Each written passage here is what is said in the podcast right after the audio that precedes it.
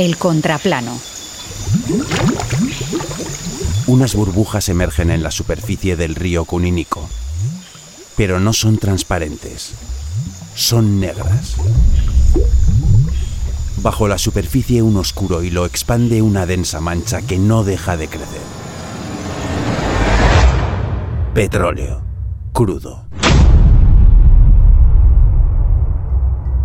Departamento de Loreto, Amazonía peruana.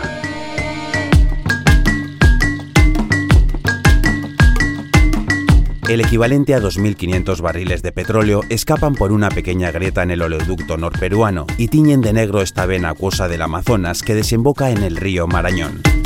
Resultado. De primeras 2.500 personas de los pueblos originarios de la zona, los cuales viven de la pesca artesanal, se quedan sin agua, sin comida y sin modo de aseo. Tras siete días viendo su reflejo en las oscuras aguas color crudo, en la selva no hay noticias ni del Estado ni de Petroperú, gestora del oleoducto, la cual a modo de tirita envía 50 cajas de agua para los afectados. A tapón de agua por persona día. Así, viendo cómo poco a poco el oro negro se filtra en todos los recovecos de su río, de su vida, de sus venas, al noveno día, el gobierno da señales de vida y declara el estado de emergencia ambiental en toda la zona. ¿Será que hay baja cobertura en la selva o que la cobertura de la voz indígena es baja?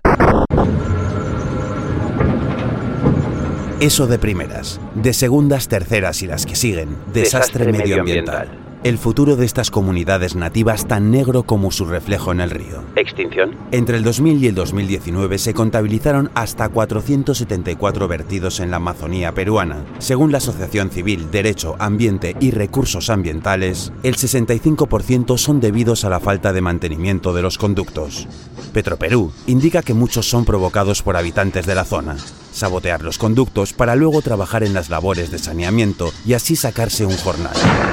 Herencia colonial. La conquista del dorado siglo XXI. Capital gana medio ambiente.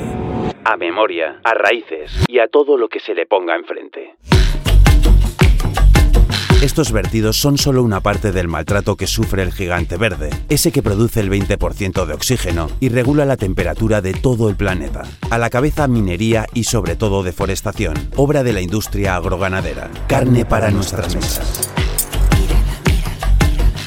Curioso que por un lado, por un trozo de carne hagamos agonizar a ese lugar que nos da la oportunidad de vivir en el planeta.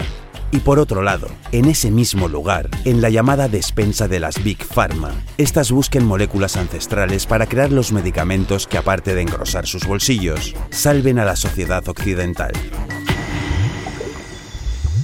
¿Qué es más demencial? Esto, o como pretendía Fitzcarraldo, construir una ópera en medio de la selva amazónica.